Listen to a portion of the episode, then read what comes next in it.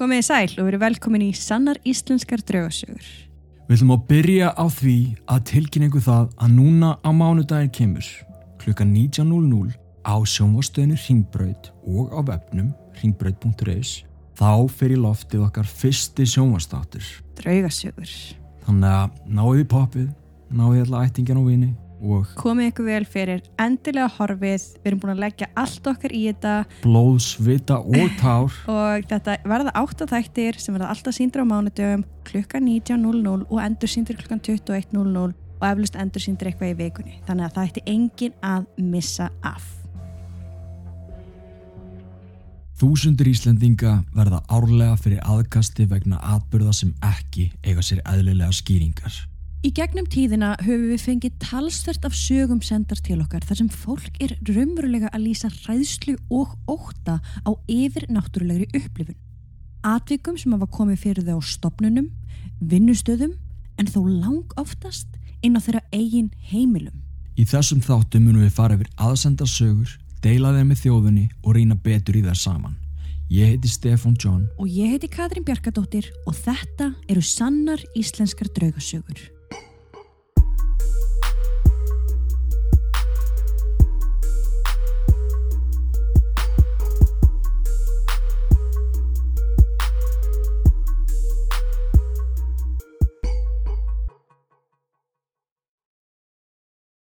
Áður en við byrjum er rétt að taka fram að sögurnar sem teknar eru fyrir í þessum þáttum eru ekki í nefni ákveðinni tímaröð sem þær eru sendar okkur, heldur af handahófi. Eftirfarandi sögur eru sannar og koma frá fólki úr öllum stjættum þjófélagsins. Allt eru þetta mismunandi einstaklingar á mismunandi aldri. En allt þetta fólk á það sameigilegt að hafa lendi einhverju yfirnáttúrulegu og það hér á Íslandi.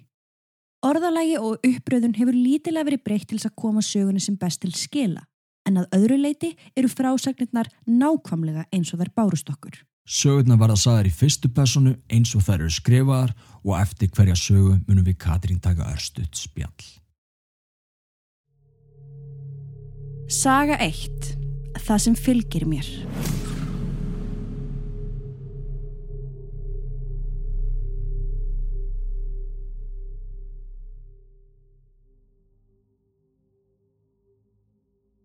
Fyrsta saga dagsins kemur frá Rud Hallgrímsdóttur.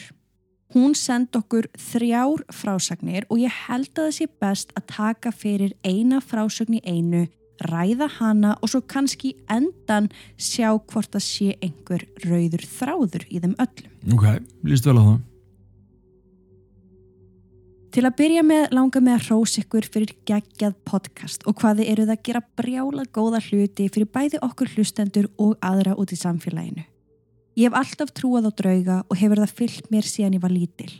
Ég er 32 á gömul og bý á Akranesi en þessar sögur gerast bæði þar og í Reykjavík og því langar mig að segja ykkur frá nokkrum atvikum sem ég hef upplifað. Þessar sögur eru reyndar ekki allar í tímaröð en ég vona samt að ég geti komið þessu sem best til skila. Ég held að ég sé næm frekar en skegg og ég finn oftast meira fyrir orku heldur en að sjá eða það sem ég hef séð eru aðalega skuggar. Jæja, hér byrjar það. Ég var sex ára gömul og við byggum í gömlu húsi upp á Akranesi og áður en við fluttum inn gerði fóstur pappi minn það upp og ég man svo stert eftir því en í dag hvað mér leið alltaf óþægilega inn í þessu húsi og gætt aldrei verið einn þarna þar sem ég var alltaf svo hrætt. Mér leið alltaf eins og það væri einhver að fylgjast með mér. Ég nefndi þetta við mömmu mína en hún sagði mér að það væri engin að fylgjast með mér og að ég væri bara ímynda mér þetta.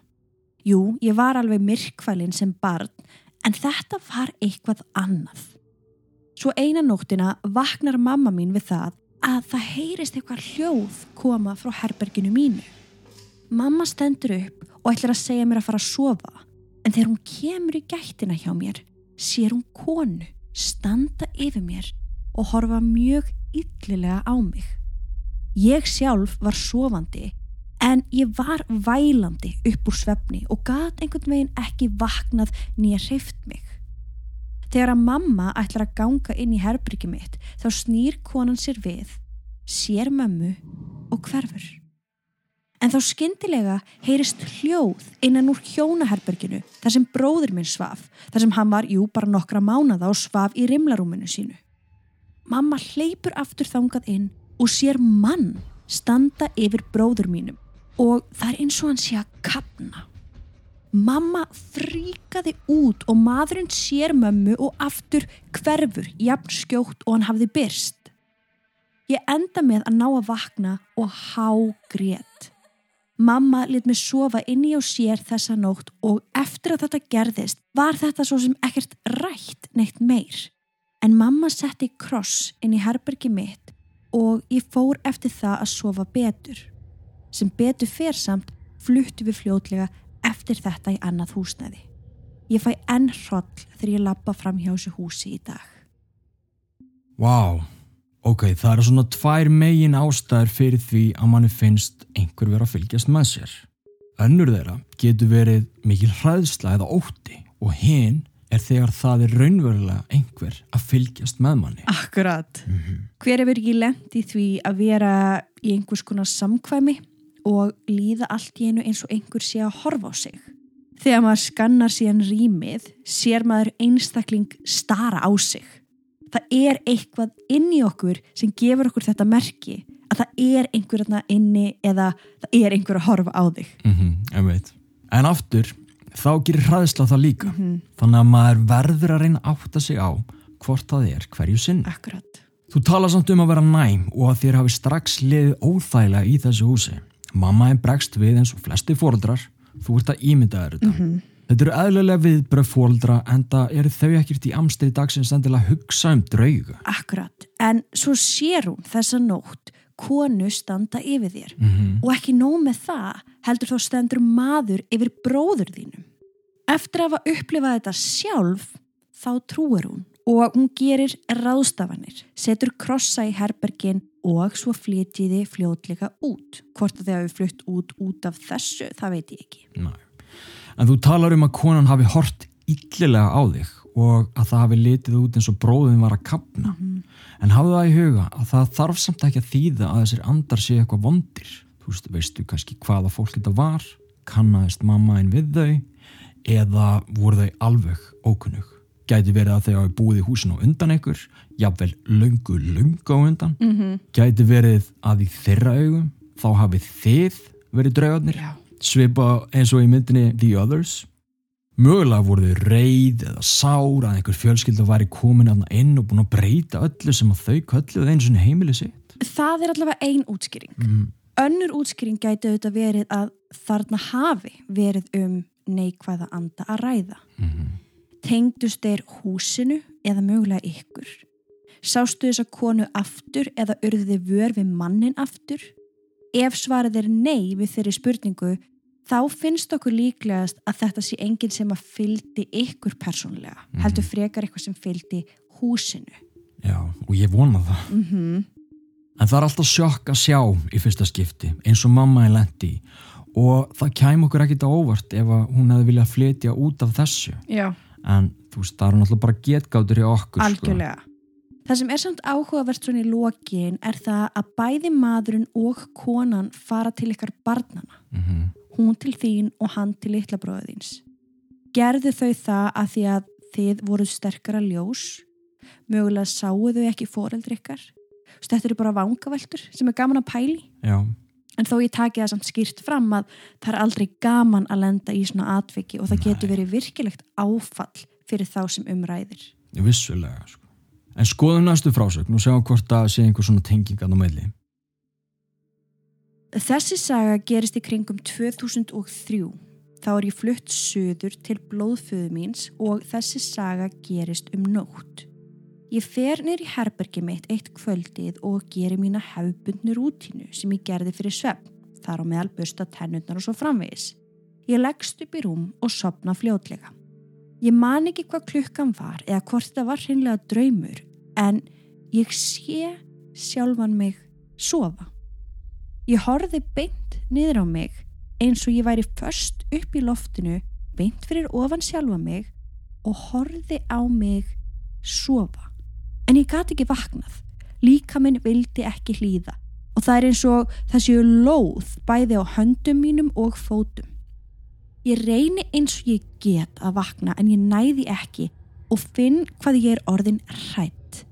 En eftir nokkra stund næ ég að vakna og ég er rennandi sveitt og svo hrætt að ég endaði með að skrýða uppi til litlusistu minnar og sofa þar restina af nóttinni þar sem ég reynlega þorði alls ekki að sofa einn. Ég sagði ekki sálu frá þessu að því ég var vissum að mér er það ekki trúað. Úf, óhugulegt. Algjörlega, en þetta hljómar eins og svefn lömun svona í grunninn Já, og á heimasíðunni svefnsetrið.ru.is er þessu ástandi líst á eftirfarandi hátt. Svefn rofa lömun, sleep paralysis, er svefbröskun sem felur í sér að einstaklingur verður ófær um að tala og reyfa líkamann til skams tíma, líkt og hann sé lamaður, þrátt fyrir að vera vakandi og með meðvitund. Svefn rofa lömun getur átt sér stað annars vegar þegar einstaklingur er við það að festa svefn eða þegar hann er að vakna eftir svefn. Röskunni fylgja oft offsjónir og heyrir einstaklingur jafnvel hljóð sem eru tilbúningur, til dæmis fótatak, tónlist eða rattir. Ástandið varir venjulega í nokkra sekundur eða mínútur. Það tekur venjulega enda af sjálfum sér en getur einni horfið ef einhver tala við eða grýpur í viðkomandi. Þessi upplifun getur vakið mikinn óhug og gerist þetta sí endurtekið er hægt við að viðkomandi fari í kvíða við það að fara að sofa. Svepprófa lömun er þó venjulega skadlaus og á sér eðlilega skýringar. Lömunin á sér yfirleitt stað í remsvefninu en það er stig svepp sem er jafnan tengt við drauma. Í svefni sendir heilin bóð um að slaka á vöfum líkamanns svo líkaminn missir hreyfigetu sína til skams tíma og má því segja að vöðvarnir séu lamaðir í þessu ástandi. Þetta þjónar bæði þeim tilgangi að kvíla vöðvana og endurnæra þá en einnig að koma í veg fyrir að einstaklingar hreyfi líkamann í takt við drauma sína þar sem slíkt gæti reynst þeim skadlegt. Í vöku hættir heilin að senda þessi bóð og líkaminn öðlast hreyfi getur sína á ný. Þetta getur þó misfarist sem veldur því að viðkomandi sé vakandi og með fulla meðutund er líkamanns ennþá í þessu svefn ástandi. Það má því segja að einstaklingurinn sé bókstaflega á milli sveps og vöku í þessu ástandi. Eins og ég segi, uh, við tókum þennan texta af svefnsetrið.ru.is ef þið Mhm. viljið lesa þetta sjálf Já, en höfum það samt í huga að þrátt fyrir þessa fínu útskýringu á svefnlömun þá veit samt enginn af hverju einstaklingur lendir í þessu og margir trekk í trekk. mm Það er talað um að jú, ef að fólk er undir mikilli streitu eða með órólegan svefn, þá sé sá aðili líklegri til þess að upplifa þetta ástand. En skoðum svo þá sem lenda í sveflömun og tala um að sjá skugga í herberginu sínu. Jafnvel skugga veru setja ofan á bringunni sinni. Sú vera hefur lengi verið þekkt undir nafnu Mara og fólk hér áður fyrir trúði því að þarna væri á ferðinni draugur sem væri að stela orku úr líkamannum okkar á meðan við værum að kvílast. Við erum alltaf tilbúin að horfa á vísindin, en við erum líka þekkt fyrir að horfa lengra og skoða fleiri möguleika. Það sem margir vísindamenn vilja kalla offsjónir, alls ekki allir, köllum við drauga. Mm -hmm. Sem betur fer er tækjabúnaður orðin ansi góður við hann á sönnunum um tilvist drauga og því margir vísindamenn byrjar að átta sig á að mögulega eru draugar til.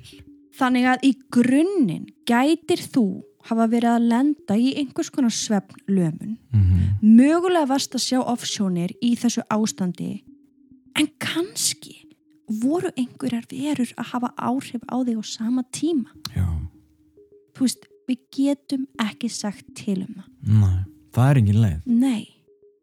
Hvort heldur sem er, þá er þetta hræðilega óþægileg lífsreynsla sem meira segja frægustu paranormal rannsakjendur og miðlar óska ekki eftir að upplifa. Einmitt. En þá skulum við skella okkur í frásög þrjú sem er, já, framt svo síðasta frá þér. Ég kynntist manninu mínum árið 2012 hérna upp á Akranesi og við vorum búin að vera í smá tíma saman þegar þessi saga gerist. Hann bjó í húsi með tengdamóður minni hér á Akranessi sem sagt. Þetta var hús, tveggja hæða, en önnur hæðin þar sem hann bjó var með háalofti og þegar maður kom inn til hans þá þurfti maður alltaf að lappa upp stiga til að komast inn í íbúðina hjá tengdamömmu og upp á efsta stigaþrepinu var hurðin sem leiti upp á háaloftið. Ég fekk alltaf svo vonda og slæma tilfinningu þegar ég stóð við hliðin á hurðinni og þegar ég þurfti að fara þángað þá tók alltaf undan tekningar laust mjög kallt loft á móti mér og mikil mótstaða eins og ég væri alls ekki velkomin þarna inn. Út af þessu þá bað ég manni minn alltaf um að fara eitthvað annað svo ég þyrti ekki að fara þarna upp. Hann sagðist hins vegar aldrei finna fyrir neinu og skildi ekkert í þessari hræðslu minni. En þetta er bara byrjunin. Þið haldið örugla að ég sé geðveik en þetta gerðist samt. Sko, ef ég var ein heima hjá honum þá byrjaði ljósið fram á gangi alltaf að blikka. Þetta gerðist samt aldrei þegar tengdamamma og maðurinn minn voru heima. En ef ég var ein þá gerðist þetta og ég var alltaf skítrætt við að vera þarna einn en ég let mig samt alltaf hafa það. Ég þurfti alltaf að loka herberginu hans ef ég var þar einn þar sem ég leið eins og það væri alltaf einhver að fylgjast með mér og mótstaðan var hræðileg.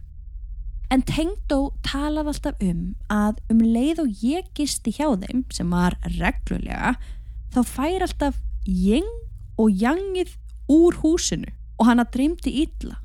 En alls ekki miskilja, ég og tengdamamma mín eru bestu vinkonur og ég elska hann út af lífinu.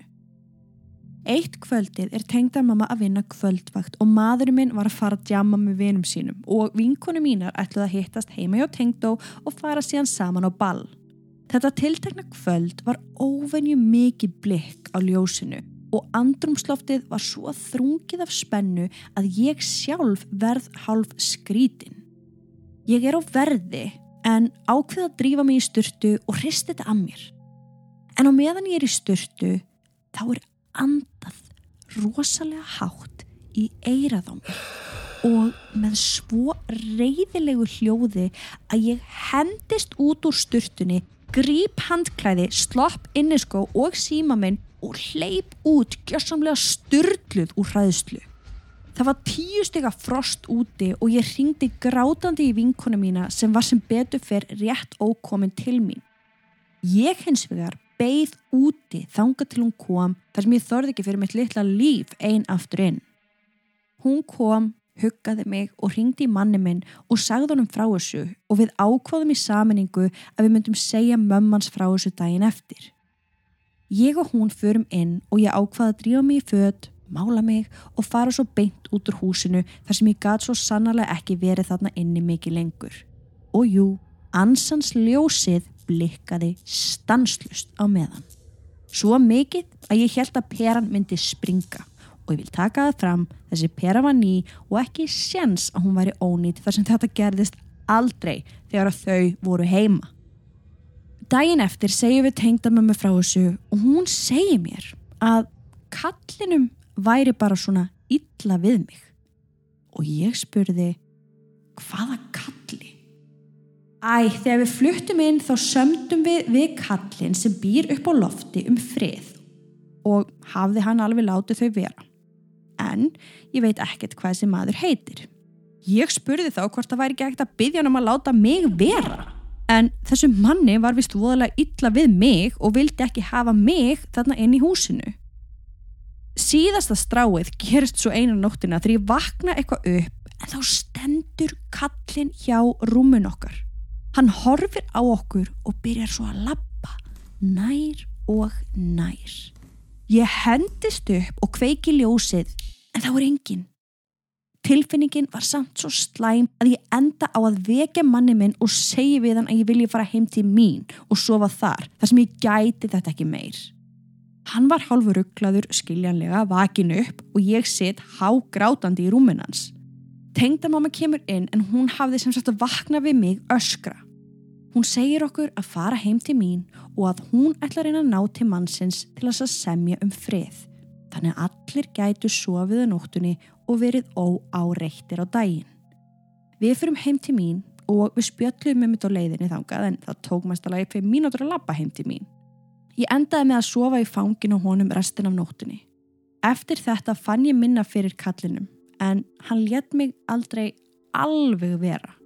En ég hætti líka að vera svona hrætt við hann og eitt skiptið þá fann ég vel fyrir honum og ég segi láttu mig vera. Ég má vera hér og ég veit að þú býrð hér líka og þá var eins og hann bakkaði frá mér. En þó aldrei nógu langt þannig ég fengi frið. Ég finn ennþá hroll þegar ég skrifa þessar sögur og fyrir að rifja þær upp. Ég hef lemt í fleiru en ætla að láta þessar sögur duga í byli og takk fyrir að gefa ykkur tíma til þess að lesa þær. Ég hreinlega treysti mér ekki að skrifa meira þó mér langi til þess að segja ykkur fleira en ég vona að ég treysti mér í það setna. Mér langar að byrja á því að segja að hérna ótrúlega en satt, allar sögur sem við fáum sendar, mm við kíkjum aldrei á nöfnin, Nei, aldrei, Nei. bara, okkur kemur það ekki við, þetta er bara nafnlösa sögur fyrir okkur. aukaatriði. Já, þannig að við bara tökum söguna og við bara vinnum þar og við veitum Mhm. aldrei hver er hvað eða neitt. nei, En við vitum hver þessi manneska er vegna þess að við hittum hana núna um daginn. Já, já. Þegar við vorum í tökum á Akarnesi mm og hún kemur til okkur og hún er að hjálpa okkur í tökum og hún segir ég var að senda ykkur sögu og ég segi, heyrðu, fyndið, ég er akkurat að vinna þá sögu, þannig Einmitt. ég hitti hana ég hitti mannin hennar, ég hitti börnin hennar, Spá hvað þetta er ótrúlegt þannig að svolítið skrítið um þetta að vera að taka þessa sögu fyrir Já, og vita hver þau eru já Og líka bara að við skulum hafa hittu bara akkurat á þessum tíma Einmitt. Svolítið magna ótrúlega tilviljun sko. Mhm. en það fyrsta sem ég pæli í hérna Mhm. er að ljósið hafi alltaf flögtað bara í kringum þig ekki þegar að kærasti þinn og tengdamóður voru heima það finnst mér umhugsunavert vegna þess að það lítur þannig út að andin sem var að hafa áhrif á ljósin var engöngu að reyna að ná til þín Mhm. Sem að tengdamóður þín staðfesti síðan nokkurn veginn þegar hún talar um að hún sjálf finni breytingu í íbúðinni þegar þú ert þarna inni. akkurat, Þessi saga útskýri sig svo litið sjálf vegna þess að tengdamóður þín segir bara reynd og beint við þig að hún og maðurinn í íbúðinni væru með samkomulag og að honum líkað ekki nægilega vel við þig. mm Þú lýsir hérna nokkrum atbyrðum sem þú lendir í þangað til að tengdamóður þín ákveður að ræða við mannin og eiginlega beðja hann um að láta þig í friði. Sko, þú talar ekkert um það, en ég veit ekki, mér finnst kannski líklegt að tengdamóðin sé skigg, Já, ég geti trúið því sko. ef hún sko næra tala Tala- við mannin. Já, og, og- veit af honum greinilega. Já, Mm en það fylgir svo sem ekki sögunni. Nei.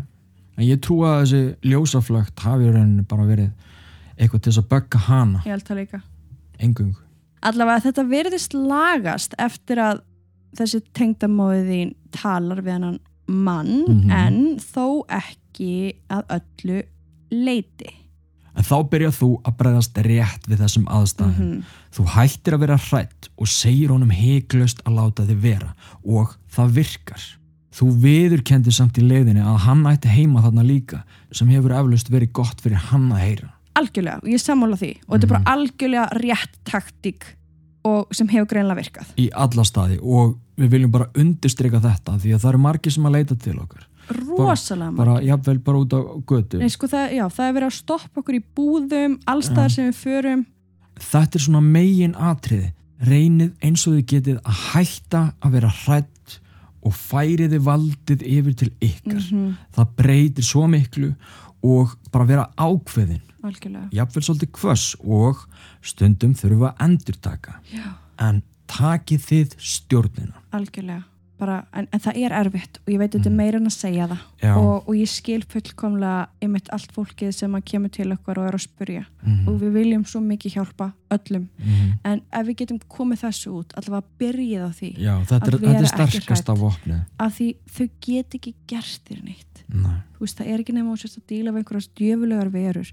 Annars eru þessir við erum. Já, en annars er þessir andar svona í 90% tilvika ekki að fara að gera neitt. Nei. Í lokin ætla ég að taka það fram að okkur finnst þú ekki vera geðveik.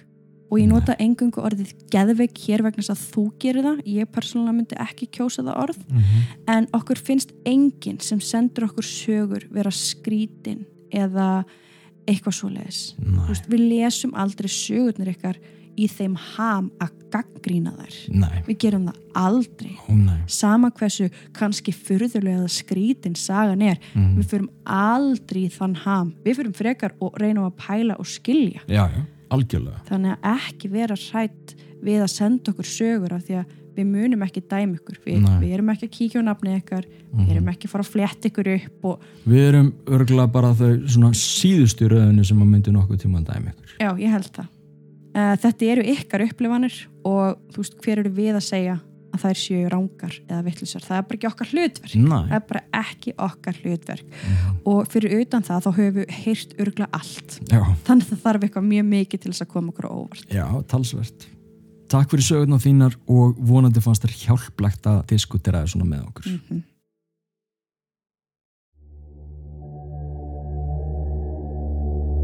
Þúsundir Íslendinga verða árlega fyrir aðkasti vegna atbyrða sem ekki eiga sér eðlilega skýringar.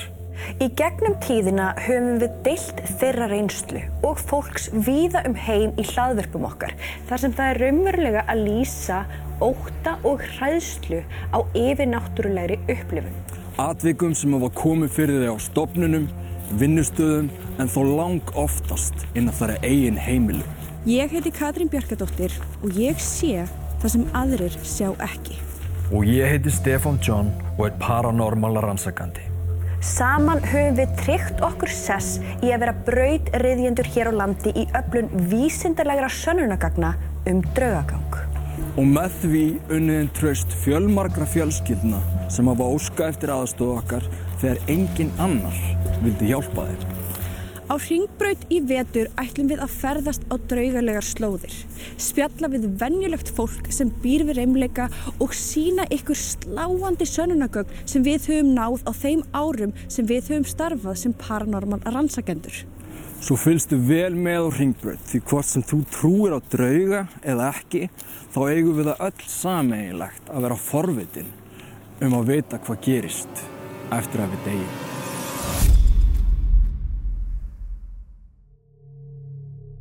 Saga 2 Atvikin mín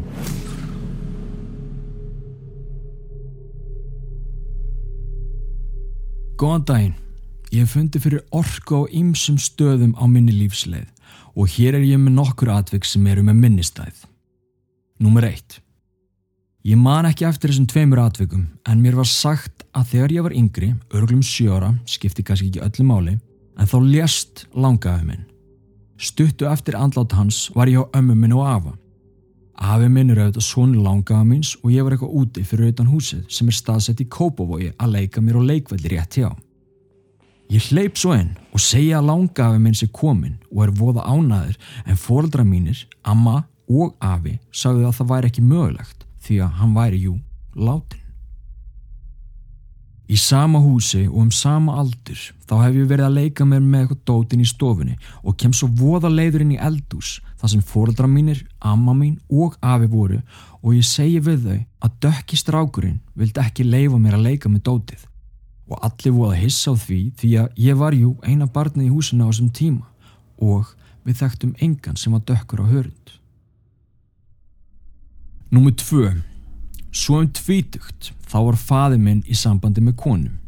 Svonur hennar lést á því tímabili sem þau voru saman. Þetta atvik mann ég óljóst eftir en nóttina eftir jarðaföruna þá setjum ég upp í rúmi og er að skoða gestabókina úr jarðaförunni og faði minn kemur inn í herbyggitímin og spyr hvað ég sé að gera. Og þá svaraði ég honum að ég var að telja hversu margir hafa komið í jarðaföruna og ávist líka hafa sagt að þessi sonur sem lést hafi sagt mér að gera það. Einnig gekk þessi maður í ofsíðum galaböksum og maður heyrir þegar fólk í ofsíðum galaböksum gengur um á parketti. Faði minn hafi búið til auka herbergin í stofinni hjá okkur sem var bara stúkað af með skápum og mér fannst oft voða kósi að leggjast þar uppi og slappa af. En ég snar hætti því fljótlega því ég heyrði oft tvennskonar fótatök fyrir utan herbergið þegar ég láðar. Og einhvern veginn var það bara ég sem að heyrði þetta. En þá heyrði ég í einhverju mannesku sem gekk um á háum hælum og svo einhverjum sem var í ofsíðum galaböksum. Og tel ég allavega að það hafi verið sonurinn. En ég veit ekki alveg hver átti hitt fótatæki. Ég hugsaði með mér að þetta gæti verið móðu mín sem að lést þegar ég var átt ára. En finnst það samt hæpið því að ég man ekki eftir henni í hælum. En það getur svo sem verið að þetta sé hún því ég var átt ára þegar hún lést og getur vel verið að ég mun ekki eftir svona smáadræði. Númið þrjú. Ég var í æskulíðstarfi í kirkjunni og eitt skiptið fór við saman í bústað. Ég man ekki alveg hvað þessi bústaður er en eina nóttina vakna ég upp af einhver ástæði. Fljótlega heyri ég umgang fyrir rötan og svo er bankað.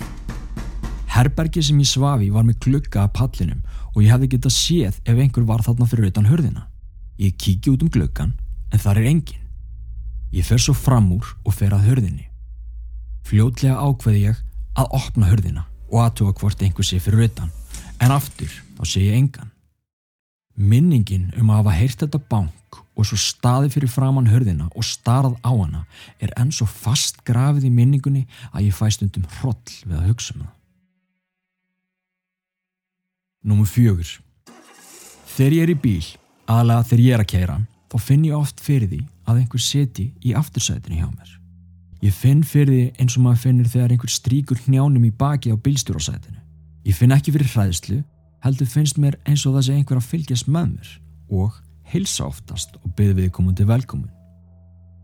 Einni finn ég fyrir góðuri eða slæmri orku á hverjum stað sem ég fer á. Ef ég finn fyrir slæmri orku þá er ég fljótur að koma mig burt. Þetta er líklega ástæðuna fyrir því að ég verð alltaf smá smeykur við myrkur á þeim stöðum sem ég þekki ekki eða er sjaldan á. Sumir segja kannski að það sé kjánalegt fyrir þrítuga mann að vera hrættu við myrkur en ég vil halda því fram að ég hafi mínar ástæður. Mér langaði samt að bæta við atviki sem ég lendi nýlega í. Ég lá upp í rúmi og var að fara að sofa. Ég loka augunum eftir smá tíma og lendi í því að mér byrtist alls konar ógeðsleg andlit. Ég er ekki vissum hvort ég hafi vaknað eða ekki því mörkin þarna á milli voru bara virkilega óljós. En allavega horfi ég kringum mig og sé herbergi mitt eins og það er líkt og þegar ég er vakandi. En allt í einu segi bróðu minn, hann er komin inn í herbergi mitt og er augljóslega mjög hrættur við eitthvað og er hágrátandi. Og þá er kannski best að minnast á það hér að ég og bróðum minn búum ekki saman. Allt í einu heyri ég heimasíma ringja. Eins ringing og var á heimilinu mínu þegar ég var yngri. Ég á auðvitað engan heimasíma en ég ætla mig samt að fara fram úr og svara en þá get ég ekki staðið upp úr rúminu og finnst eins og eitthvað eða einhver sé að halda mér niðri. Ég loka augunum og fer með fadur vorið þrísva sinnum eins og mér var einhver tíma sagt að gera ef ég finni fyrir óþægilegri nærveru. Það gengur misvel en ég hætti samt ekki fyrir en ég næja að fara með fadur vorið þrísva sinnum án þess að rauglast. Og það virkaði. Allt í einu er ég raunverulega vakandi í rúminu mínu og er mjög skelkaður eftir þessa reynslu. Ég veit ekki hvort að þetta tengist einhverju paranormal eða hvort að þetta var bara virkilega vondur draumur eða svona lucid draumur er ekki alveg vissum hvernig maður segja þetta. En væri til að heyra frá ykkur ykkar pælingar um þetta. Svo er reyndar eitt sem ég ætla að bæta við fyrsta tölupostu minn. En það var nokkur mánuðum eftir að faði minn ljast. Þá er ég að spjalla við frængu mína úr móðurætt og hún segir mér að faði minn hafi komið til sín í draumi í kvítum jakkafötum. Hann sagði henni að hann hafi fyrst ekki verið sáttur með að deyja frá okkur börnunum þreymur en hafi núna verið búin að sætta sig við það, það sem hann hafi séð að við munum plum okkur vel. Sömu frængu dreymdi líka mömmu mína, sýstur sína, sem lést þegar ég var átt ára. Mamma kom til hennar í draumi eitt skipti þegar pappi var komið aðra kæristu sem var kannski ekki svo besta. Hún kom illa fram við okkur sískinin og pappi greiði var ekki að sjá það. En mamma sanns að nálgæði sýstu sína í draumi og baða henn um að passa upp á strákana sína sem satt okkur bræðuna. Eins og kom fram í uppröndilega póstunum má nota söguna mínar en ég vil að nafni mitt kom ekki fram. Ok, ég verð að segja þú ert semst bæði búin að missa mömmuðina og pappa og þú ert á þrítöksaldri. Þetta er alveg svolítið mikið Þetta er mikið áfall. Mikið áfall, mm. mikil sorg og bara svona á meðan þú varst að segja sögunasteppi mm -hmm. þá er mitt fekk ég bara svona alls konar hugmyndir til dæmis eins og með aftursætið. Þú veist það er greinilega verið að passa þig. Já, já, ég held að mamma en pappi séu bæði á að, staðunum sko, sko. mér já. finnst það bara mjög líklegt. Ef ekki annar þá potið bæði sko. Já, ég segi það. Mm. en allavega takk fyrir sögurnaðinar, þær eru ansi merkilegar og mjög áhugaverðar og ég held að fara ekkert á milli mála að þú sért skegg mm. Allan að mjög næmur. Ég veit ekki hvort það sé skrítið að heyra það. Já, kannski hefur enginn sagt það við þig. Nei, en ég held að þú sért skegg Já, og veit ekki hvort þið er búin að fræða það eitthvað um það en, en Mhm. allavega þú ert að finna og sjá ansi mikið. Já, sem aðri ger ekki. Látnir ættingjar kom oft til okkar skömmu eftir fráfallera oftast bara til að kveðja í hinsta sinn og þar að öllum líkitum það sem langafiðin var að gera þarna í upphafi frásagnaðinnar mm já, algjörlega. Og það minnir mig á svona sögu sem ég á sjálf Mm. að hérna þegar ég var að labba úr skólanum var ekkert almennilega búin að gera mig grein fyrir því hversu skegni var. Mm. þá labba af oft með mér sko. Já, og ég var oft í samræðum bara við afa. Að að hann var dáinn. Já, en ég sá hann mjög skýrt. Já, hann var bara að labba með mér niður brekkuna spjalla við mig. Já, og hérna og ég var bara ekki hrætt þú greinilega ekki heldur, þú segir bara hérna hei, langa við hérna? Já, bara velkomin og Já, já, einmitt. En drengurinn sem þú varst að leikaði við var örgla einmitt bara það. Strákur sem þú varst að leikaði við. Já, það bara sá hann enginn nema þú. Og þú ert ekkit skrítin eða ímynduna veikur þú sérð bara betur en aðrir. Þú sérð það sem flestir sjá ekki og það er einmitt raunin með gestabókina og líka banki sem þú heyrir í Askulís Já. bústanum já, þú heyrir og sérð bara miklu meira. Já. Og svo talar um þessa tilfinningu eins og einhver sé aftursætinu hjá þér og það er líka mjög algengt hjá þeim sem sjá. Margir hafa gefið fólki far sem stendur út í vegakanti og svo horfið skyndilega úr aftursætinu, þú veist, gæti það verið að gerast hjá þér? Einmitt. Ég held samt í þínu tilfelli ef að tilfinningin er góð Mhm. og þér líður ekki illa að þá sé þetta einhver kærkomin Já. sem er bara að vera hjá þér og, og það er bara fallegt og gott og þægilegt. Nefnilega, sko. Já, ég fundi fyrir þessari tilfinningu eins og einhver seti hnið í bílstjórasæti líkt og einhver krakki sér að sparki já, í já, sæti já, alveg rétt. En ótrúlegt samt þá er það bara í þau skipti sem að dúkan okkar fræga hefur verið í aftursætin The Baby, The Baby, það er sko. mjög skrítið að kera með The Baby sko. Já, en svo frásögn þín um drauminn og fyndi að þú sérst að tala um það því í seinustu sögu vorum við líka að tala um þetta sleep paralysis. Akkurat eða sveflumun Já. og þetta er rauninu bara það sama. Þú talar um þetta, þú talar um þetta sveflömun og þú talar um hvað þú ert að sjá og hvað þú ert ímyndaðir og ef, þú væntalega hlustar á söguna undan þar sem við útskýrum þetta bara svolítið vel. Já, en það sem mér finnst vera svolítið krúsel hérna mm þú talar um, ég veit ekki hvort þetta sé eitthvað paranormal eða ekki. En af hverju þá hættir þetta þegar þú fer með faði vorið þrís og sinnum? Akkurat. Þú fer með faði vorið þrís og sinnum eins og á að gera og þá hættir þetta. Hvernig útskýrur það? hvernig er hægt að segja að það sé ekki paranormal, skilur hvert er að fara? Já, og það var líka í sögun í síðustu viku. Þá var einhver forstóri hjá stóru fyrirtæki. Akkurat, akkurat. Og hann fer með fæðagur og þá hættir þetta. Já, og það er erfitt að hérna fara með það. Það Já. er svolítið rugglað í þér. Já, en þú gerir það, einmitt. þá hættir þetta. Þannig að eins og við segjum á hann þetta er einhver sveflumun Mhm. og við tökum það alveg fyrir. Algjörlega, og- algjörlega og trúum læknisfræðilegt og, alveg hreint. En hitt er líka, Já, hitt er með. Þegar við erum í þessu ástandi í þessari sveflumun, þá er mjög auðvilt að koma að okkur og það er eins og íslenska Maran. trúin maran Já. kemur á okkur ég held nefnilega að þetta tengi svo stert en ef þú ætla bara að vera einu með við borðið þá finnur enga haldbara útskýringu akkurat, ég held ef að þú það sé ætla mjög vel að vera hinum með bara í paranormal finnur ekki Nei. haldbara nei, enga en þú ert gætur hæfileikum sem margir aðrir hafa en á sama tíma margir aðrir gera sér ekki eins og grein fyrir þetta er stórt og mikið verkefni að vera skegn og sjá svona mikið og maður þarf að læra mikið þannig að Mhm. hérna til er velkom að hafa sambandi okkur eða þú ert með einhverja spurningar endilega en annars vona ég bara að við höfum kannski náða að hjálpa þær að skilja kannski aðeins þessi atvik sem þú hefur að lendi Ég vona það einlega. Gangi er ótrúlega vel og þakka þér aftur fyrir þína frásögnir.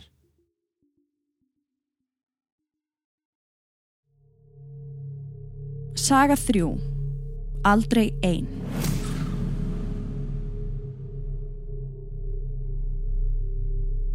Næstu sögur koma frá ungri konu og eins og ég hef vun að gera þetta að þá er þetta þrjú atvik sem hún ætlar að deila með okkur og við fjöllum um hverja frásögn fyrir sig. Ok. Mér langar til þess að byrja því að þakka ykkur fyrir að opna umræðuna fyrir okkur sem sjáum og heyrum. Manni finnst maður oft vera sá eini sem er að upplifa þessa hluti. Ég er 23 ára kona og mér hefur aldrei fundist ég vera einn. Ég hef verið næm síðan ég var krakki og alltaf verið hrætt en er fyrst núna að sætta mig við að sjá og heyra ímislegt sem aðrir heyra ekki og sjá ekki. Frásögn 1. Maðurinn í jakkafötunum. Fyrsta minningin sem ég á af einhverju sem ég get ekki útskýrt var í húsinu sem ég bjó í frá því að ég var 6 ára til 15 ára. Við fjölskyldan, mamma, pappi og tvö börn byggum í einbillishúsi í Kópavóginum. Húsið er byggt 1965 svo ég gæti alveg ímynda mér að það hafi nokkrir átt húsið og undan okkur. Flestar minningar mínar úr húsinu eru góðar en mér leið alltaf eins og einhver væri að fylgjast með mér. Það voru fjögur svefnherbyggi í húsinu svo ég átti mitt eigið herbergi. Inn í herberginu var mjór fataskápur sem búið var að fella inn í veggin. Við hliðin á honum var einn af tveimur glukkonum í herberginu.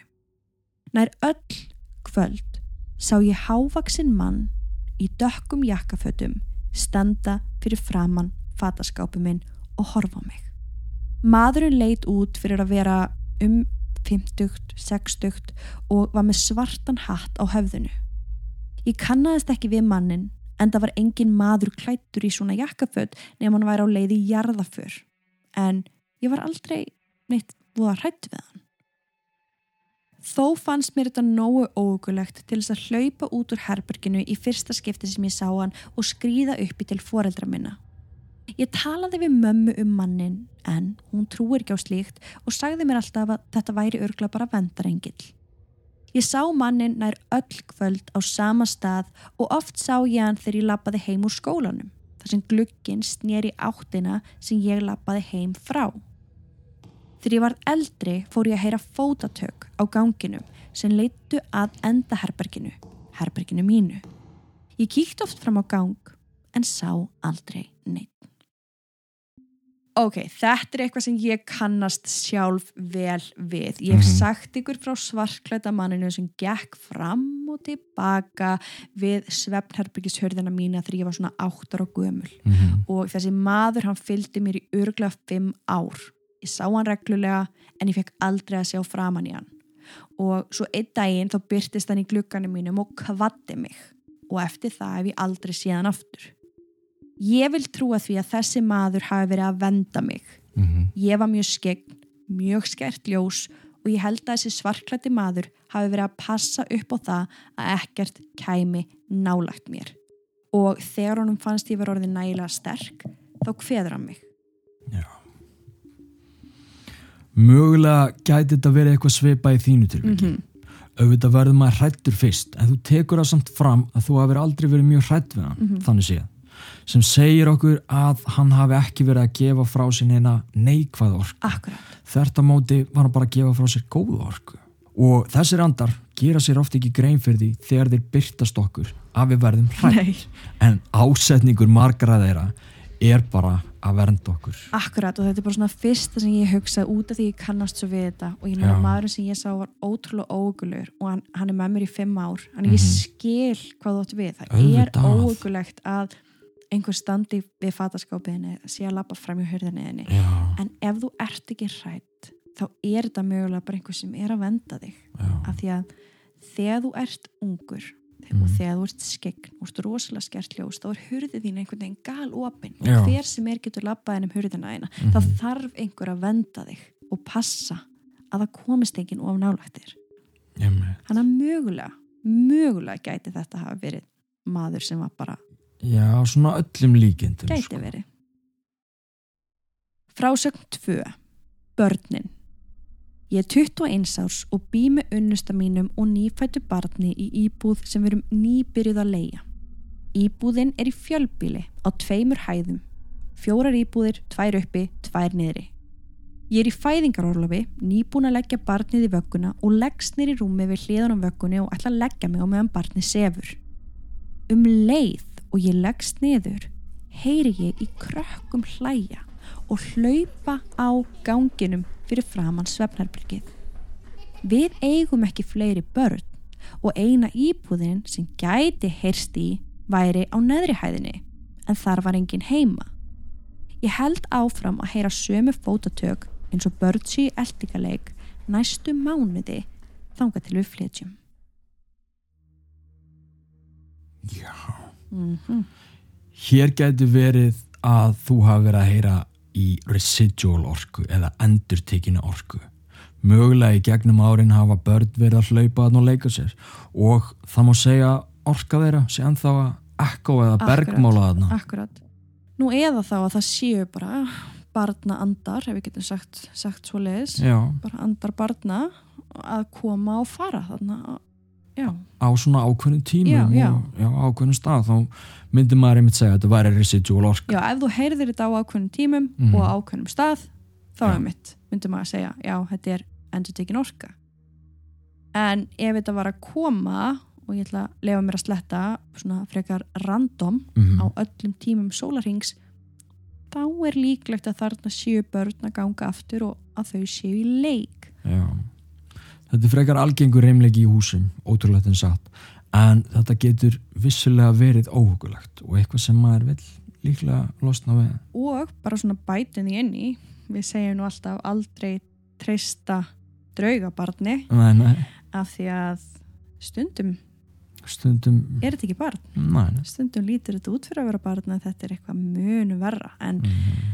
Þá líklegast hefur verið að lenda í einhverju meira og fundi Já. fyrir mjög neikværi orku og liði mjög illa og þá byrjað að gerast eitthvað Eitthvað meira, sko. næstu mánuði sko. Þannig að ef það var ekki þá líklegast var þetta bara þannig sé saklust Já, það sem betur fyrir til flut.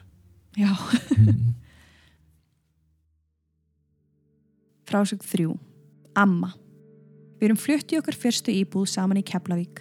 Allt gengur vel og fyrstu mánuðina finn ég ekki fyrir neinu óæðrilegu. Við erum búin að koma okkur fyrir og barnið orðið tveggjara. Ég er nýbúin að sækja í leikskólan og stend út á bílastæði að lappa inn þegar barnið stoppar og veifar. Ég sný mér við en sé engan, svo við förum bara inn. Í heila viku er þetta gerast. Barnið veifar og það er enginn út á bílastæðinu. Eitt daginn spyr ég hverjum það sé að veifa og það svarar ömmu. Ég hugsa ekki mikið út í það en næstu daga fer ég að heyra barnið spjalla við einhvern þegar það er að leika sér. Ég spyr og svara er alltaf amma. Ömmur batsins eru allar á lífi og aðeins ein langama fallin frá. Loksins spyr ég hvaða ömmu barnið sé að tala við og þá segir barnið ömmu nafn langamunar sem er fallin frá. Þetta er falleg frásögn. Þó ég get ímynda mér að þér hafi brugðið mjög. Mm Eins og við höfum oft sagt, þá eru börn rosalega næm. Og þarna var barnið bara að sjá ömmu sína, sem aftur er ekkit óalgengt. Nei. Börn sjá mjög oft skildmenni sín sem eru fallin frá í alls konar aðstæðum og á meðan þau eru ekki trætt þá þarf svo sem ekkit að grípa inn. Nei.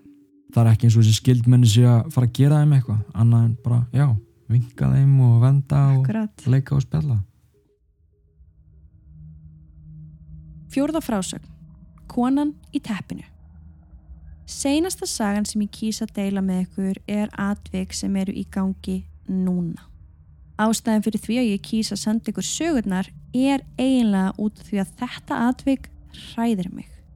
Senustu tvær vikur hef ég vaknað við konu sem stendur yfir manninu mínum á meðan hann sefur. Hún er gömul og innvafin í teppi eins og henni sé kallt. Hún horfir aldrei á mig, bara hann. Ég veit ekki hvernig ég á að snúa mér í þessu þar sem ég þykir þetta mjög ógulegt. Öll ráð vel þegin. Já, Fyrsta sem ég velti fyrir mér er hvort að þú sért ein að sjá þessa konu eða Mhm. hvort að maður þinn hefur orðið var við hana líka.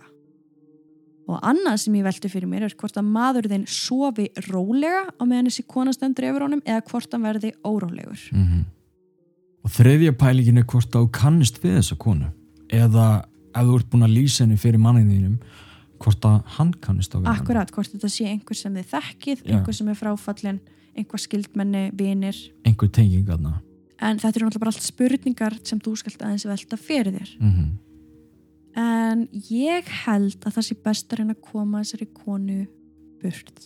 Já, ég náttúrulega vona að þetta sé bara einhver vendarengill sko. En já, ef já, ekki maður þá vil kannski samt ekki endilega hafa. Nei, þetta er óþægilegt, þetta er að skapa hræðslu hjá fólki. Og það viljum við ekki. Nei, þannig að byrja þá að segja uppátt við þessa konu að hún sé ekki velkomin inn í herbergið ykkar. Þetta getur þú sagt á kvöldin, rétt áður en þið farið að sofa og kannski þarfst að endur taka þetta nokkrum sinnum á meðan þú tekur rúmteppið af og klæðið því í náttföt og hún sé ekki velkomin góðst. Þú ætlir bara að raula þetta við sjálfan þig, Akkurat byrjar á því að segja þetta uppátt Mhm. í rýmið og svo bara svolítið ert að segja þetta við sjálfan þig á meðan þú ert að klæða því. Veist, þetta er bara Já. endurtekning, með innlifun og bara Algjörlega. með meiningu algjörlega. Næst að úr trúið þá myndi ég bara byggja fyrir henni. Mm byggja að hún finni sinn farveg og færi sig að lífusinu Já. Ef þú vilt ganga ennþá lengra þá myndi ég kaupa Sage og Sage er herbergið. Þú getur fengið það í gjafir jarðar. En hafið í huga að Sage getur aðeins losa þig við neikvæða anda og það þarf ekkert að vera að þessi gamla kona sé eitthvað ill eða neikvæða nokkuð nátt Þetta er nefnilega svolítið eh, svona miskilingur með Sage. Fólk heldur einmitt að Sage bara losiði við allt en það Já. bara er ekki rétt. Losar því bara við neikvæða anda og fólk er hrætt að Sage út því það vill að amma og afi séu ennþá hjá sér og allt þetta því geti Sage að mm Mhm. bara neikvæð orka sem fer. Akkurat Ekki þessi jákvæða. Já. Og ég er ekkert endilega vissum eins og þú segir að þessi kona sé eitthvað neikvæð. Hún gæti verið það Já, en líka hún gæti ekki verið það. Þannig að kannski virkar Sage, kannski ekki. Kannski er hún bara að reyna að ná sambandi við mannin þinn til þess að segja honum eitthvað eða liðbin honum. Kannski er hún vendarengillin hans. já, já Við vitum það ekki og það er líka mjög skrítið að hún erði ekki neitt á þig Mhm. heldur bara eins og hún sé endalust að reyna að ná sambandi við Já. hann og þá er einmitt að þú verðt að vita er hann að dreyma eitthvað fyrirlega Akkurat, er hann að fá einhver er skilabóð þarna? Einmitt, er um að dreyma eitthvað? já, Sko það sakar samt ekkert að prófa að segja og þegar þú gerir það þá ertu með alla glukka opna síðan setur þú saltrönd við ingangin á herberginu þínu. Þannig ertu búin að loka þig af Mhm. búin að reynsa herbergi og loka af með salti. Mhm. Þetta eru nokkrar hugmyndi fyrir því til þess að prófa. En eins og við segjum þá er þessi kona kannski með eitthvað skilabóð Mhm. Maðurinn gæti jafnvel sagt áður en hann fyrir að sofa hann sé opinn fyrir skilabóðin frá þessari gömlu konu og mögulega mun hún hafa samband við hann þá í draumi Akkurat.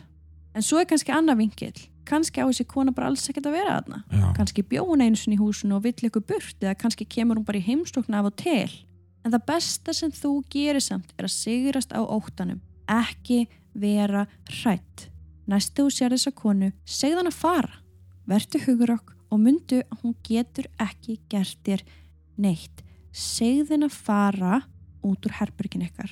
hún má koma skilabóðum áleiðis til ykkar Já. ef að þið viljið það en ekkert meira ekki gefinni frekari gaum eða ingang Nei, alls ekki. Og ég veit að við erum kannski búin að fara svolítið fram og tilbaka hérna, en máli er að þú veist, þú, þetta er náttúrulega bara saga sem við heyrum og það er svo margt sem gæti verið í gangi. já, Þannig að við erum í raunin að reyna að segja er rosalega margar hugmyndir mm á svolítið svona stuttum tíma en ég veit þetta hljóma kannski svolítið mikið og erfitt en þetta er það ekki. nei. Reyndu að taka þessi ráð og, og ég er nokkuð vissum að það er eftir að virka. mm Ef þú vilt ekki eitthvað í herberginu ef það er eitthvað sem þú hræðist, þú segir það. segir það og þú byður það um að fara. mm þú átt ekki að vera hrætt í þínu eigin herbergi. Þá enginn að vera það. Nei, gangiði vel Við viljum byrja á því að þakka öllum höfundum fyrir sögur vikunar og einhver hinum kærlega fyrir að hlusta.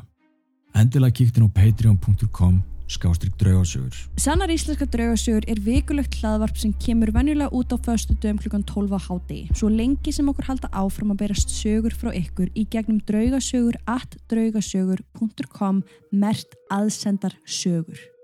Takk fyrir að hlusta og þanga til næst.